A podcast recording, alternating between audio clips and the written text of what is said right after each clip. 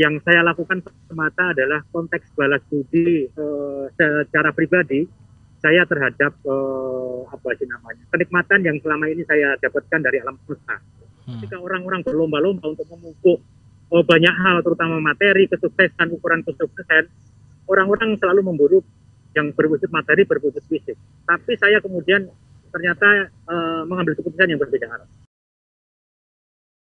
Hal terburuk yang pernah uh, saya temui bersama teman-teman di lapangan adalah ketika uh, apa sih namanya saya kami ini menjumpai uh, situasi di mana uh, ada sesosok uh, bayi yang uh, baru dilahirkan, kemudian masih ada ari-arinya, kemudian masih ada tali pusernya, itu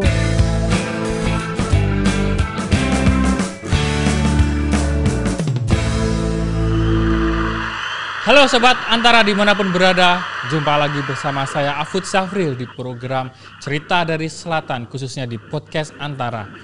Hmm, sudah banyak sosok yang kita hadirkan di beberapa episode.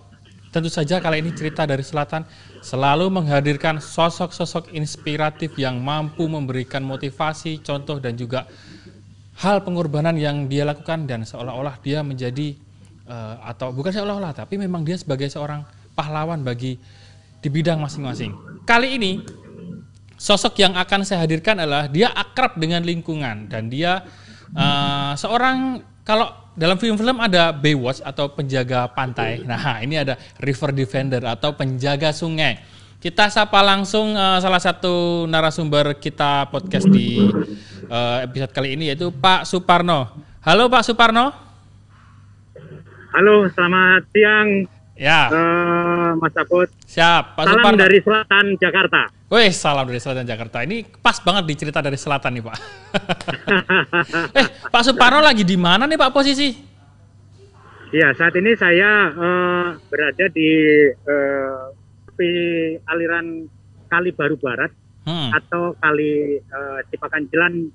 Kebetulan saat ini saya berada di kalau ngomongin wilayah ini ada di Kabupaten Bogor. Hmm. Tapi di seberang saya itu adalah uh, kota Bogor. Jadi ini adalah uh, termasuk boleh dibilang adalah titik perbatasan uh, wilayah antara Kabupaten Bogor dan Kota Bogor di Kali Baru Barat.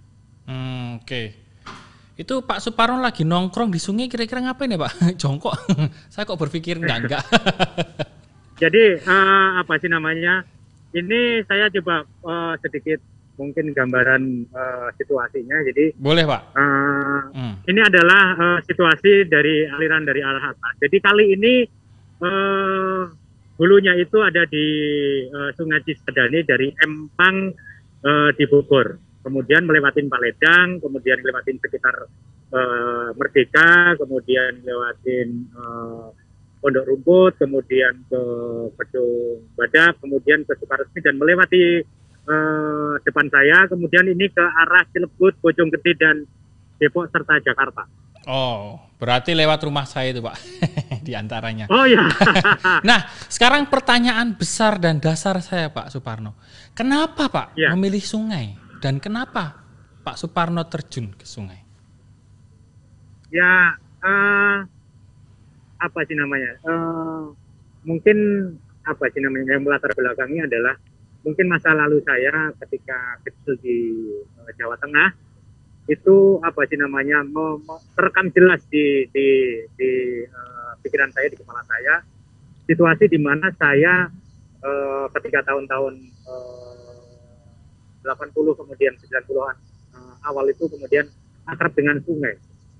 Jadi setiap hari kami sangat erat sekali uh, hubungan dengan sungai jadi kami juga bermain dengan di sungai, kemudian memberi pakan ternak, kami cuci uh, rumput de, dari sungai, kemudian kami menyirim, menyirami tanaman uh, yang ada di ladang juga menggunakan aliran sungai, kemudian mandi juga di sungai. Tapi ternyata uh, itu uh, tidak terjadi di hari ini, terutama saya yang ada di uh, Kota Bogor. Karena tempat saya kemudian tinggal uh, dari sejak tahun 94 ternyata memang terjadi perubahan yang sangat uh, drastis di mana uh, apa sih namanya kebiasaan-kebiasaan kita yang kemudian terkait dengan lingkungan itu kemudian tidak banget bukan menurut saya bukan manusia banget itu kita Hmm. mungkin lebih kalau berbicara eh, ini mungkin kita lebih barbar dari binatang Bu. Hmm, untuk binatang bahkan Hmm. tidak tidak tidak tidak kemudian meninggalkan jejak yang kemudian buruk bagi eh, lingkungan tapi ternyata eh, kita sebagai manusia hari ini kemudian eh, telah me- apa merusak semuanya Nah, dengar-dengar Pak Suparno ini sempat bekerja di perusahaan, tapi memilih resign untuk mendedikasikan diri di sungai. Kenapa Pak? Terus sekarang kegiatannya ngapain? Iya, jadi eh, betul saya eh, resign dari tempat saya bekerja di eh, bulan Juli tahun 2019.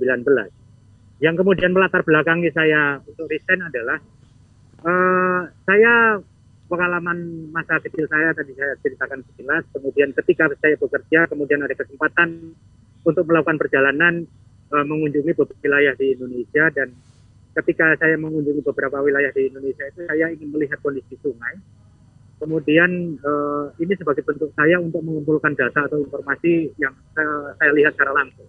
Hmm. Kemudian beberapa kali juga saya eh, apa namanya berkesempatan mengunjungi beberapa negara. Kemudian ini coba kemudian saya apa eh, analisa secara pribadi dan saya diskusi dengan teman-teman. Sampai akhirnya setelah mendapatkan eh, data kemudian fakta kemudian eh, apa yang terjadi saya memantapkan diri untuk keluar dari pekerjaan untuk kemudian membela sungai lebih eh, total gitu kurang lebih. Jadi sejak tahun eh, 2019 bulan Juli setelah resign saya bergabung menjadi eh, tim satuan tugas naturalisasi Ciliwung Kota Bogor. Oke Pak Suparno, apa sih Pak keuntungan bagi Pak Suparno sendiri sampai rela resign dan membel- membela sungai seperti itu? Eh, mungkin bukan konteks untung, tapi eh, yang saya lakukan semata adalah konteks balas budi eh, secara pribadi saya terhadap eh, apa sih namanya kenikmatan yang selama ini saya dapatkan dari alam semesta. Hmm.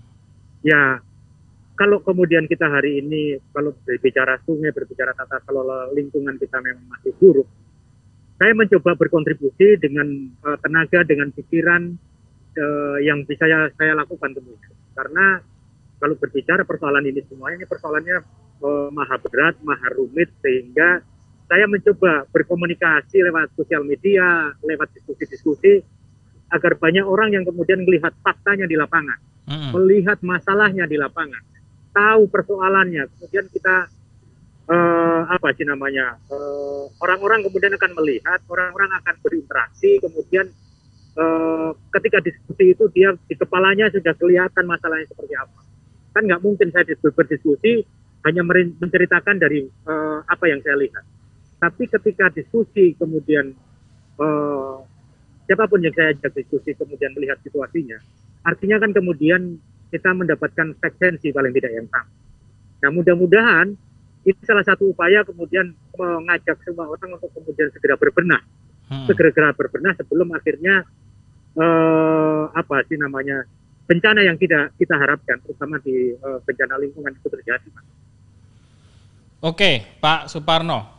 Pengalaman Pak Suparno berarti kan dedikasinya cukup eh, besar lah dan saya kira cukup eh, patut diacungi apresiasi sepanjang eh, jempol kalau ada.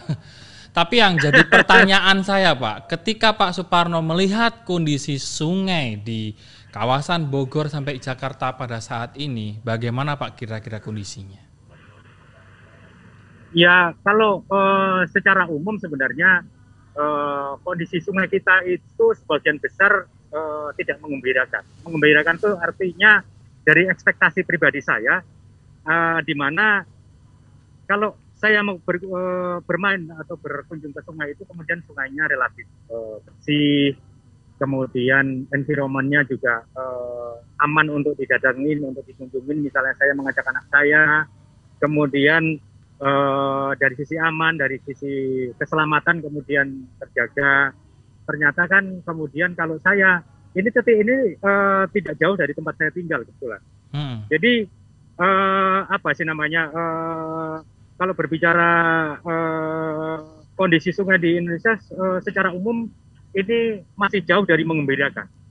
Uh, mungkin juga teman-teman uh, pemirsa uh, kabar dari selatan ketika nanti akan melihat bahwa tanggal 27 Juli nanti adalah Hari Sungai Nasional. Oke. Okay. Tanggal 27 Juli nanti adalah satu dasawarsa setelah pemerintah uh, sejak tahun 2011 menetapkan uh, 27 Juli sebagai Hari Nasional. Tapi ternyata uh, momen tersebut hanya ter, tertampang atau tertulis dalam kalender. Tapi kemudian kalau berbicara persoalan sungai, kalau kemudian sejak tahun 2011 kita secara bersama-sama kemudian turun secara konsisten, kondisi sungainya harusnya kemudian membaik. Hmm. Tapi faktanya hari ini setelah hampir 10 tahun pada 27 Juli nanti kondisinya yang di hadapan saya salah satunya seperti ini.